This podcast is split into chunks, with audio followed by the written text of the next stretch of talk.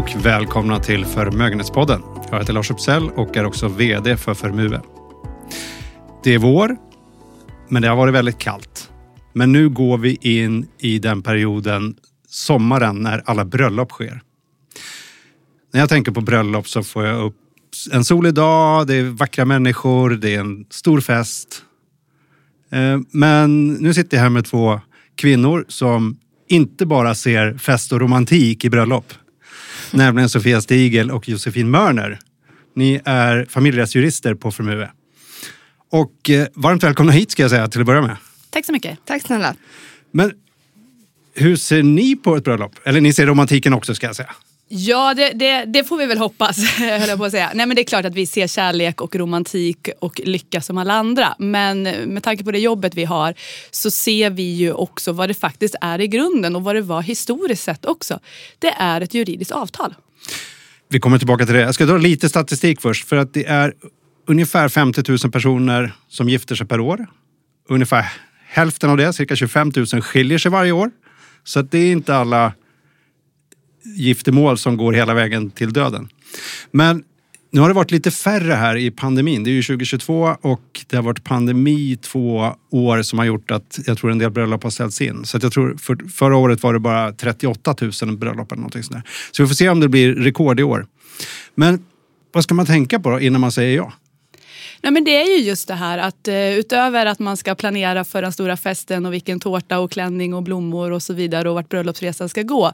Så är det viktigt att komma ihåg vilka juridiska konsekvenser som det faktiskt får när man väljer att säga ja till varandra. Både för förmögenhetsförhållandet, eh, också den dagen man eh, går bort. Men naturligtvis, precis som du var inne på nu Lars, att om inte den här lyckan varar livet ut utan att man väljer att dela på sig, vad är det som händer då? Men om jag vänder mig till dig Sofia, yes. vad, vad, är det som händer då när man, när man gifter sig, rent juridiskt? Ja, det som sker är att man får något som kallas för giftorätt inom äktenskapet. Och det betyder alltså att eh, man får som ett latent anspråk, ett framtida anspråk på värdet av den andres tillgångar. Så det är ingenting man har rätt till under äktenskapet, men om man går isär eller vid dödsfall, då ska en bodelning ske.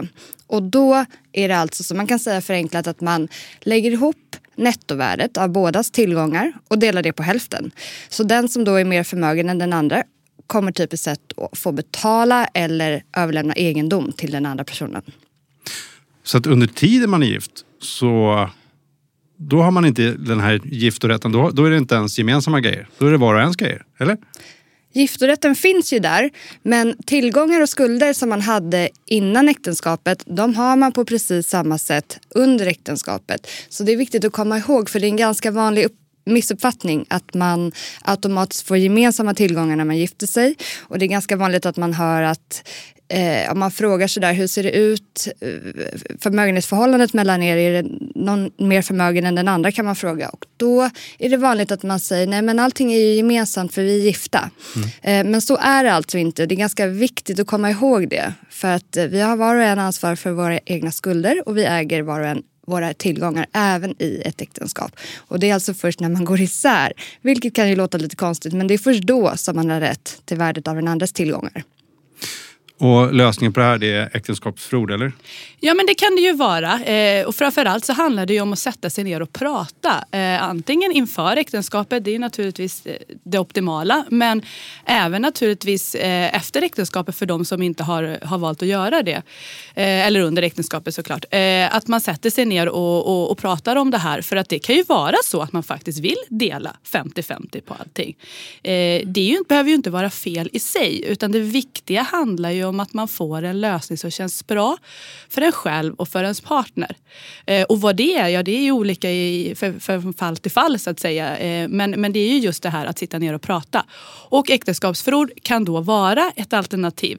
Eh, för i ett äktenskapsförord så har man ju möjlighet då att avtala att viss egendom eller all egendom ska vara enskild. Vilket innebär att den egendomen då inte ska delas med den andra om man väljer att separera.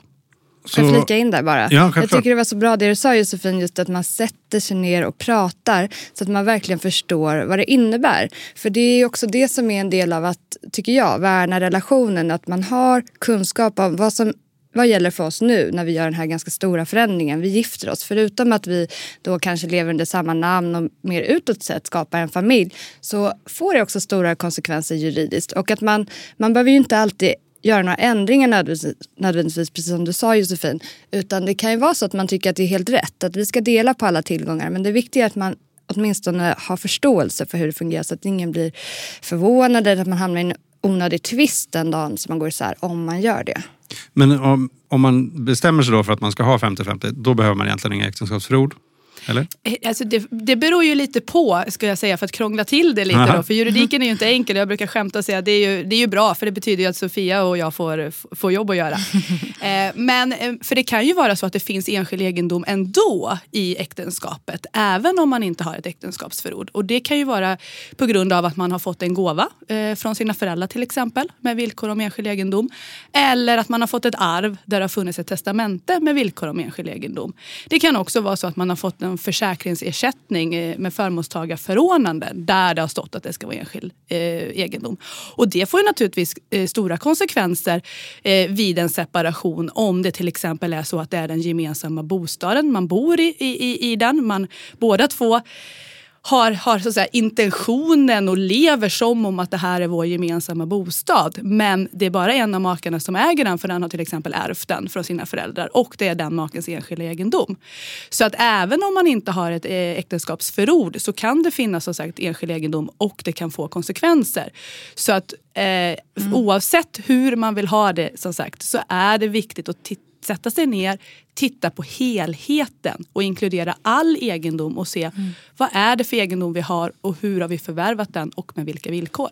Ja, och där apropå vad du sa, eller frågade om Lars, att eh, om man inte vill ha en hälftendelning att man då ska upprätta ett äktenskapsförord. Och det kan ju vara precis tvärtom. För som Josefin sa kan det vara så att den ena personen har fått enskild egendom exempelvis genom arv eller gåva. Och då har man en skevfördelning som inte makarna har valt. Och låt säga då att den ena, den ena partnern har ett stort arv som kanske är större än den andres som är enskild egendom för att den personens föräldrar har skyddat den här egendomen i ett testamente.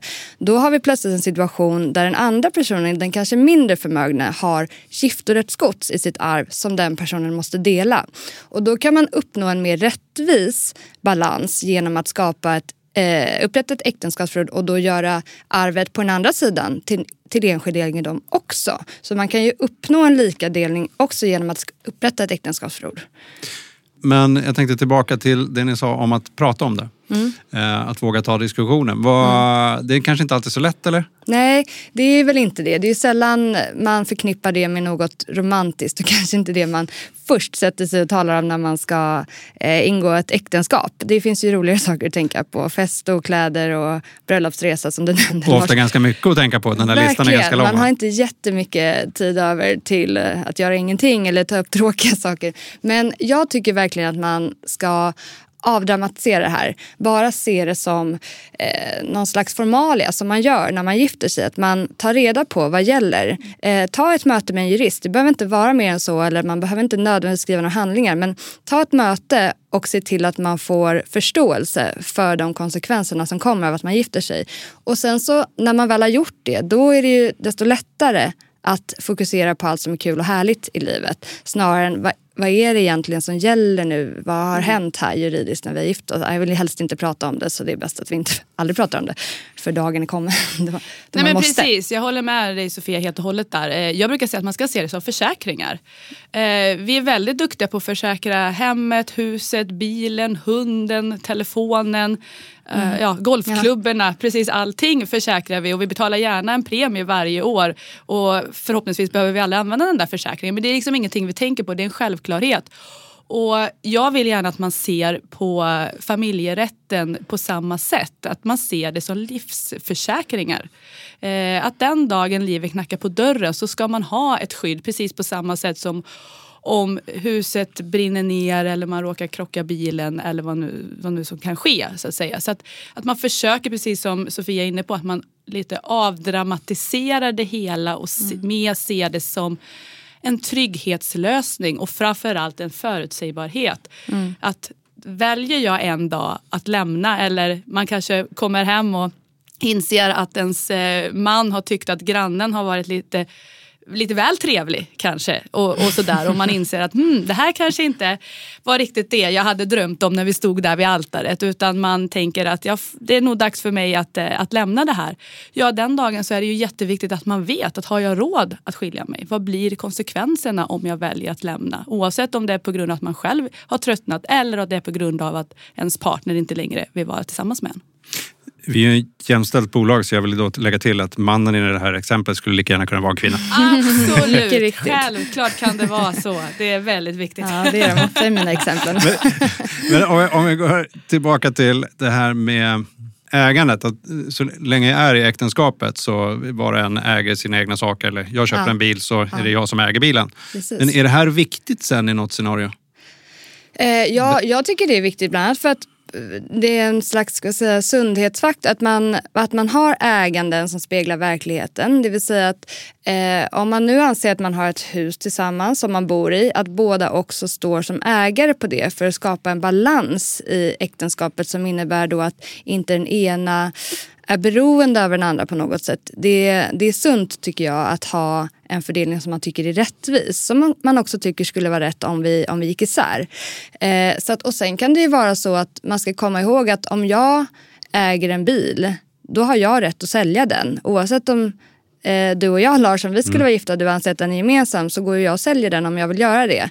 Eh, men om vi har sett till kanske att det finns en avtal som säger att det här är gemensam då får ju du egentligen inte sälja den bilen utan min, mitt medgivande. Men där vill jag säga också att just bil är lite speciellt för där har man ju en formell ägare som står registrerad. Så det finns inte i något register kanske att man är, anser att man är två som äger den. Men allting går att avtala. Mm. Och det vill säga också till exempel om man har Låt säga att man har sparmedel, eh, man har eh, konton eh, där man har pengar som finns eller som, som man tänker sig att det här är vårt gemensamma men det står i den ena personens namn. Då är den, det är den personen som har rätt att förfoga över det då. Trots att man är gifta. Eh, och där, jag tycker att det är viktigt att man ser till att man äger det man anser att man äger för båda skull. Så att det mm. blir en balans. Och gäller, gäller det här Josefin även om man till exempel då inte har ett äktenskapsförord, mm. spelar det någon roll fortfarande? Ja, men jag tycker att det, det, spelar roll. För dels precis som Sofia sa inledningsvis, att under äktenskapet så äger man sina tillgångar och svarar för sina skulder. Men sen finns det också en, eh, alltså, någonstans alltså en känsla tror jag, att man inte ska underskatta. Mm. Att man faktiskt känner att vi, mm. vi båda äger. Man kan ju mm. tycka att det kan vara en banal sak eller liknande. Men jag upplever i många möten med, med våra kunder att det där är oerhört viktigt för, mm. för liksom, att känna att vi är ett team, vi är ett mm. lag. Det är du och jag mot världen. Att man känner att ja, men, du tror på mig, du tror på oss. Eh, och det lägger många i att, eh, att vi ska äga saker gemensamt. Att det, så att säga, det, finns, det finns någonting mer i det än att det bara står ett 50-50 ägande på pappret. Men nu börjar den romantiska sidan komma ja. fram tror jag. För nu behöver vi inte prata juridik. Utan tolkar jag dig rätt nu så är det här mer för att minska sannolikheten för att man blir de där 50 procenten som skiljer sig? Då? Ja, men alltså det är ju det som är så härligt med familjejuridiken och det är därför jag har fastnat för, för det här rättsområdet en gång i tiden. Det är ju att familjejuridiken handlar inte bara om juridik.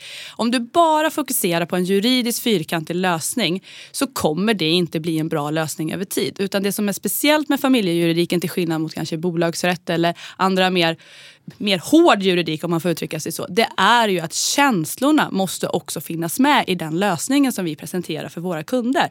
Jag brukar säga Verkligen. det att jag kan presentera säkert tre, fyra, fem olika juridiska lösningar för kundens problem. Men det är oftast bara en enda som är den riktiga. Det vill säga det är den som känns både bra i magen och hjärtat men också fungerar juridiskt. Mm.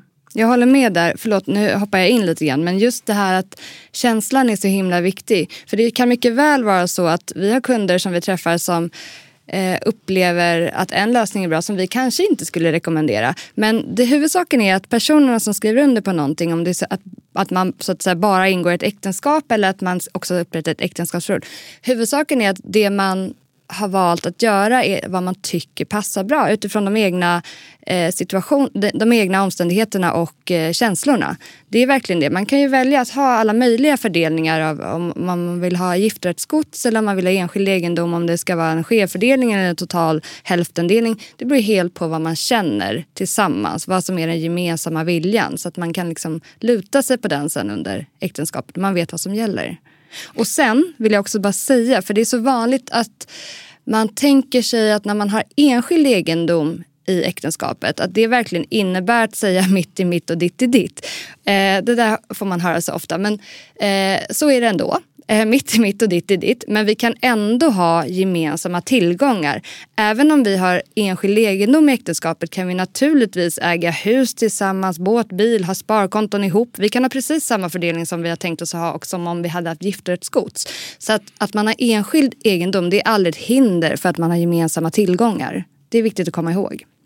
Nu ska vi in i det här juridiska igen lite grann. Jämtning av huvudregeln när det gäller hälftendelning. Ja, eh, det finns i svensk rätt men den är inte särskilt tillämpningsbar. Eh, här är vi ju kanske lite präglade av eh, amerikanska filmer ibland där man både kan se att äktenskap annulleras, vilket inte kan ske alltså i Sverige för här kan bara ett äktenskap upplösas genom skilsmässa eller dödsfall. Och man kan också se både den ena och den andra märkliga lösning med, med, med underhållsansvar under väldigt många år efter man har separerat och, och som sagt jämkningar av, av avtal och så vidare. Eh, i, I svensk rätt så, så har vi en jämkningsregel som innebär att om man till exempel är den, för, man är den förmögne och sen gifter man sig med någon som sedan tar ut skilsmässa väldigt, väldigt eh, tätt inpå vigseln. Då finns det en jämkningsregel. Det handlar alltså om att skydda mot om man får säga, klassisk sol och vårare mm, helt mm, enkelt. Mm, mm. Eh, sen går det att i vissa fall med hjälp av avtalsrätten, nu blir det väldigt juridiskt här, jämka även äktenskapsförord. Om de till exempel eh, har blivit vad ska man säga, fått en annan typ av innebörd över tiden. Vi kan ta ett konkret exempel. Man kanske har skrivit att allting ska vara enskild egendom när man gifte sig. Man var 25 år gammal, man hade ingenting i tillgångar. Man hade några eh, lite eh, härliga skulder till CSN men inte så mycket mm. mer så att säga. Så det fanns inte så mycket att värna om om man får uttrycka sig så åt, åt något håll. Och sen så har man, har man levt på under alla dessa år och sen har den ena maken i äktenskapet gjort en enorm förmögenhet. Inte på grund av att man har ärvt eller fått i gåva utan på eget bevåg så att säga. Då kan det under vissa omständigheter finnas skäl att jämka ett sådant äktenskapsförord om man exempelvis söker skilsmässa kanske 30 år senare. För då var inte så att säga de förutsättningarna som fanns när makarna ingick och Eh, grundförutsättningarna för att man valde att skriva på äktenskapsförordet är inte de samma. Men, men det här är verkligen undantagsregler så det är liksom ingenting som man ska liksom ta med sig och tänka att ja, det löser sig, jag kan alltid åberopa en jämkningsregel. Och det är samma sak med det här med underhållsansvar. Att det är också viktigt att komma ihåg att det är amerikansk rätt och framförallt amerikanska filmer och kändisar som kanske det är förknippat med. I svensk rätt är ju huvudregeln att den dagen du separerar så får du klara dig med det du går ut med från bodelningen eller det som är din enskilda egendom eller en kombination av de båda. Eh, den andra har inget underhållsansvar eh, därefter så att säga utan man, man måste klara sig själv. Eh, det kan naturligtvis finnas visst underhållsansvar när det gäller barnen men även där är väldigt begränsat och utgår i mångt och mycket, mycket utifrån vem som har barnen, alltså var barnen bor. Inte så mycket utifrån vem som faktiskt är förmögen. Det är inte bara 25-åringar som gifter sig eh, och vi pratar om att mm. ganska många giftermål eh, går inte ända fram till döden utan det är skilsmässa. Eh, jag tror 11,7 år var snittet på de som mm. skiljer sig. Då håller äktenskapet så länge. Ja. Men det är viktigt att tänka inför också det här med, vi pratade lite grann tidigare inför podden mm. eh, om eh, för det finns ju testamenten, framtidsfullmakter, äktenskapsförord, viktiga dokument så. Men mm. äktenskapsförordet, det kan man inte ändra själv. Nej, ganska stor skillnad. Precis, och det där är jätteviktigt. Det är bra att du tar upp det Lars, för det är en sån sak som man behöver understryka att ett äktenskapsförord då, det är någonting man skriver tillsammans. Man kan inte upprätta ett själv och man kan inte återta det själv. Och har man skrivit ett äktenskapsförord då måste man också ta konsekvenserna av det. Och förhoppningsvis är det inga dåliga konsekvenser utan det, det har medfört att det blir så som man har tänkt att det ska bli. Men ibland kan man göra, skriva äktenskapsförord av skäl som kanske är att eh, snarare att uppnå något annat än att skydda varandra och sig själva. Och jag brukar ofta komma att tänka på, jag har några exempel där jag har varit med om kunder där man för väldigt många år sedan har skrivit äktenskapsförord. Och då har man gjort det med utgångspunkt i att man vill påverka fördelningen av arvet till barnen. Och det här är typiskt sett då i sådana fall när man har barn som inte är gemensamma. Så som vi lite eh, oromantiskt kallar eh, särkullbarn. Alltså barn från andra mm. relationer. Och då exempelvis har jag haft några fall där man Eh, där det har varit eh, gifta makar, har hållit ihop i många år, 40-50 år tror jag. Sådär. Och för länge sedan då skrev man ett äktenskapsförord. Eller innan det ska understrykas så har man flyttat över alla tillgångar på den ena personen. För att skydda den personen från den andra makens barn från en tidigare relation. Alltså i det här fallet som jag tänker på fanns det ett gemensamt barn och några barn från en tidigare relation. Och eh, Det här är väldigt vanligt idag, det vet vi alla. Det är den moderna familjen, man gifter om sig och det finns ofta barn från tidigare relationer. Och ibland är det så att relationen inte är helt bra eh, i, de, i, de, så att säga, i, de, i de tidigare relationerna eh, med de barnen från innan.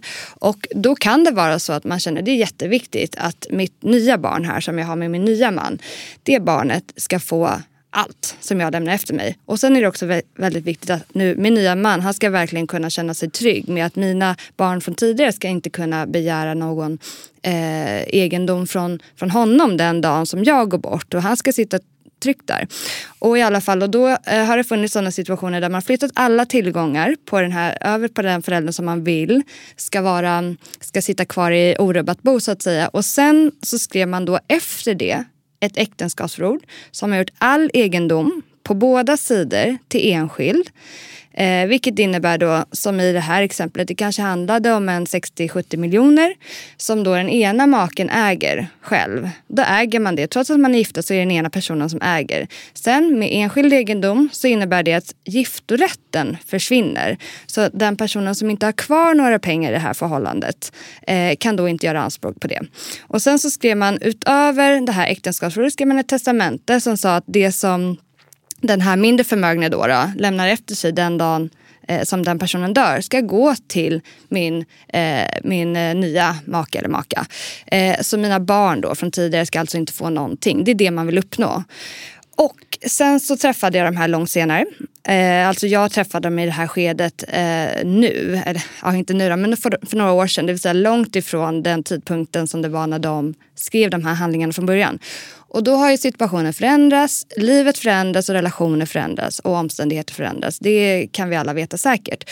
Och den här personen då som hade gjort sig av med sin förmögenhet. De var fortfarande gifta och någorlunda lyck lyckligt gifta vill jag ändå säga. Att de hade ingen intention av att gå isär. Men den här personen som hade så att säga nollat ut sina barn kan man nästan kalla det. Han hade ändrat sig och ville inte längre att det skulle vara den här, um, den här äh, uppdelningen. Så att eh, eh, va, va, när jag träffade de här så var ju hans önskemål att vi skulle eh, jämna ut där och att alla hans barn skulle ärva lika delar av hans förmögenhet. Men den nya kvinnan, då, som inte var så ny i det här fallet, men den kvinnan ville då inte gå med på det här. Så att situationen för personen som har eh, så att säga, flyttat över alla sina tillgångar på den andra och skrivit ett äktenskapsförord som innebär att han kan inte göra anspråk på, på det ens vid en skilsmässa. Han kan då inte ändra upplägget så att hans barn från en tidigare relation får något arv från honom och han kan inte heller skilja sig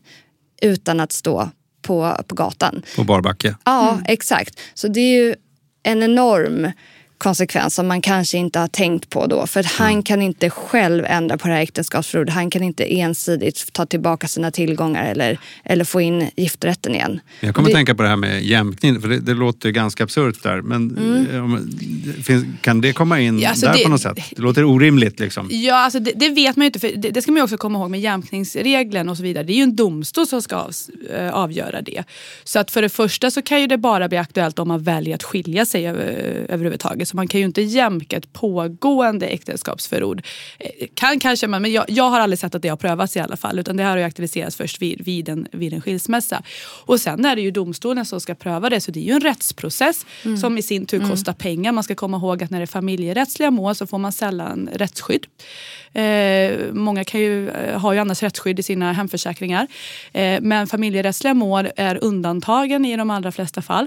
Så i det här fallet då med, med eh, som Sofia tog upp, en person som har väldigt lite tillgångar. Man kanske inte ens har råd att driva den eh, juridiska processen som skulle krävas. Eh, han, kan ju, han eller hon kan ju visserligen, som Sofia var inne på, ändra sitt testamente. Det kan man ju alltid ändra ensidigt. Men det är ju naturligtvis en klientröst om det inte finns så mycket tillgångar Nej. att fördela om. Precis. Och sen är det klart att hans särkullbarn eller hennes särkullbarn kanske eventuellt skulle kunna göra någon eh, process om laglotten. Eh, men det är också en, en process som ska göras efter att föräldern har gått bort som kräver domstolsförfarande och som är mm. väldigt osäker. För just mm. i det här fallet som Sofia nämnde så var det ju någonting som skedde för väldigt länge sedan. Mm. Och har man gjort det för lång tid tillbaka så är det ofta så, tyvärr eller positivt beroende på vilken sida ja. man står på. Mm. Svårt att komma åt. Mm. Ja. Eh, så är det. Ja. Så att, eh, det, det, det, det viktiga att komma ihåg här som jag tycker Sofias exempel belyser väldigt tydligt. Det är ju den att man får inte glömma bort sig själv. I det här fallet så, så fanns det en intention att man ville skydda sitt gemensamma barn och även sin nya respektive. Och det är jättefint. Det, mm. behöver ju, det, det, är en fin tanke som inte så att säga man behöver, behöver hoppa över eller, eller strunta i. Men det man glömde helt och hållet här det är ju just det att skydda sig själv och att livet förändras. Mm. Så det som kanske hade varit önskvärt i det här fallet det är väl att sprida ut riskerna lite och inte lägga alla äggen i samma korg. Att hitta ett, en, en, en fördelning och ett upplägg som hade inneburit att den nya eh, frun eller mannen skyddas, det gemensamma barnet skyddas mm. till viss del mm. men också att särkullbarnen och framförallt den, den här maken då också skyddas just i det här fallet om man till exempel vill separera. Ja, och där, det är lite fördjupning men där kan man ju faktiskt ha det här upplägget att man låter den ena personen äga i stort sett alla tillgångar men man behåller giftorätten. Alltså man har fortsatt rätt att få en del av värdet om man går isär. Nu hade ju den här personen ingen möjlighet till det för de hade stängt det. De hade skrivit enskild egendom på, på hennes tillgångar. Men hade han, det här hade man ju kunnat uppnå, alltså att hon ägde alla tillgångar men han fortfarande hade haft rätt till en del om de skulle gå isär.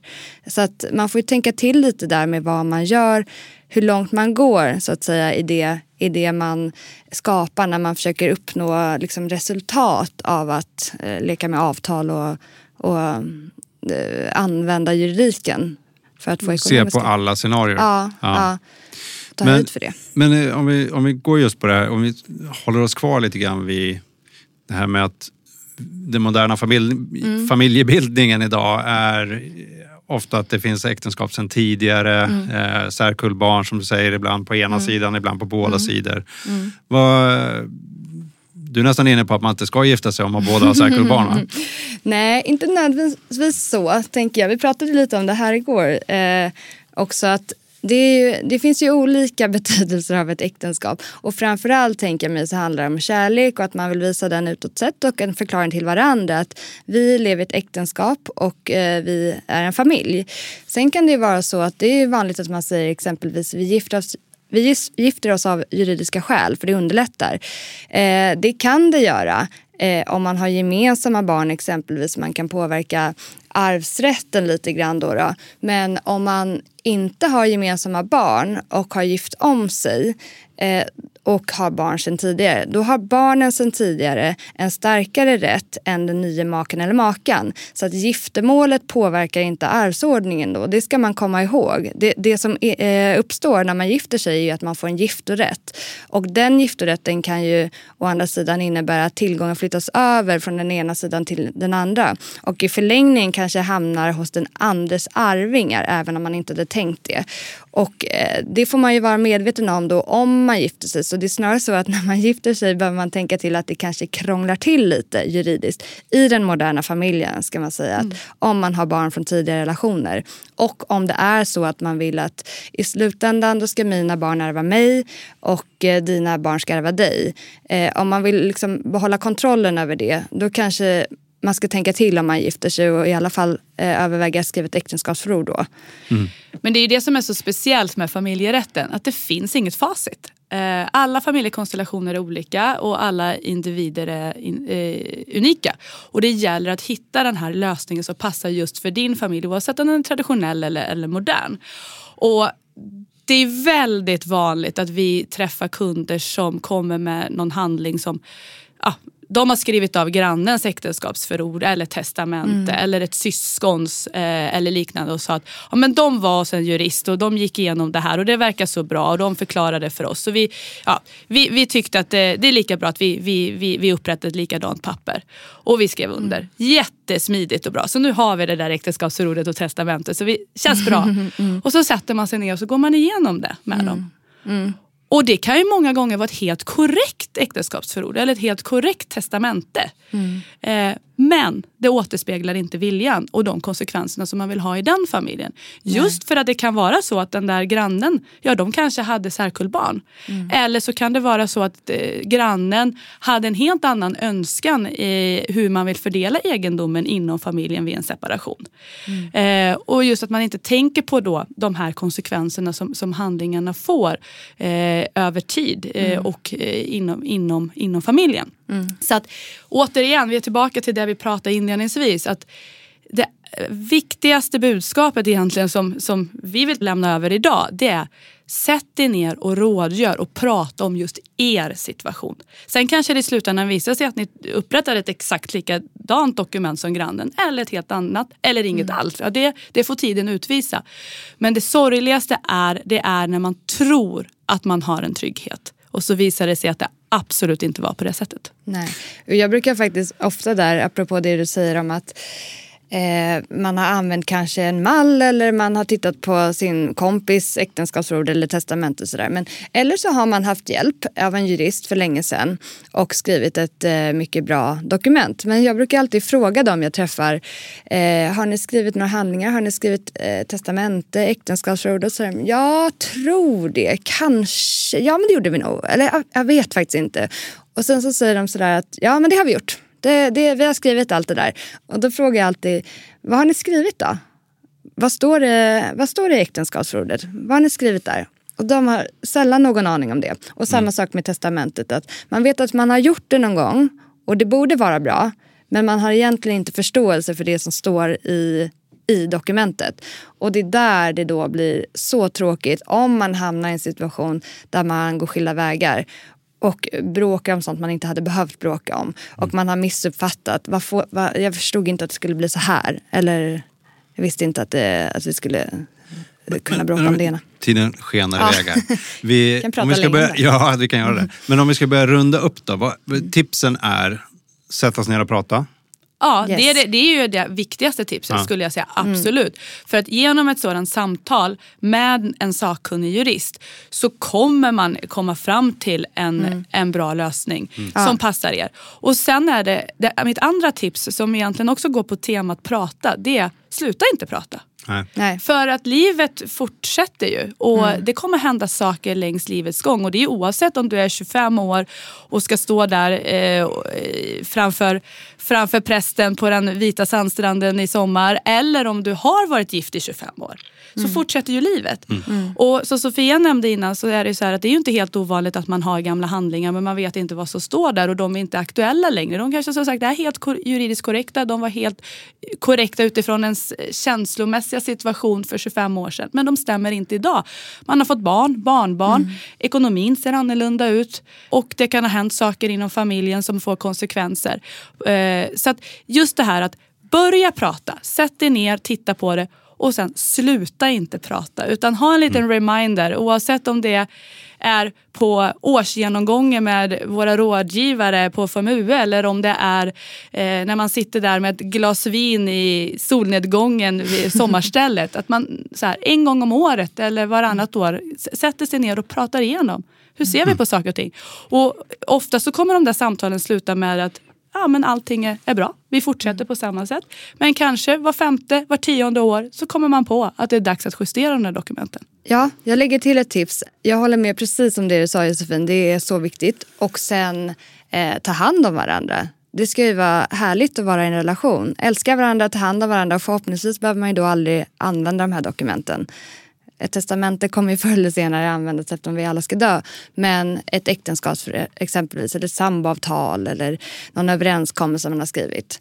Värna relationen mm. så blir det nog bra. Ja, och jag tror just det här som vi, vi pratade om innan, att, eh, med samtal och uh, väva mm. in känslorna. Att det här kanske kan vara nyckeln till att man aldrig behöver använda mm. dokumentet. Det är mm. faktiskt att upprätta ett sådant. För det ger, ger anledning till att faktiskt börja samtala med varandra. Mm. Bra slutord där. Jag kommer med ett sista tips. Yes. Och det är väl hur man kommer igång med det här samtalet om det är lite obekvämt att liksom ja. mitt i bröllopsbestyren ta, ta samtal om ja. Eh, det juridiska med att gifta sig. Ja. Lyssna på podden. Tipsa andra om den här podden till exempel. Så mm. är man ju liksom inne i temat lite grann. Mm. Och båda har samma kanske grundsyn från början. Så med Exakt. det ska jag tacka eh, Sofia och Josefin för att ni tog er tid att komma till studion idag. Och tack till er lyssnare för att ni har varit med oss. Tack ska ni ha. Tack så mycket. Tack.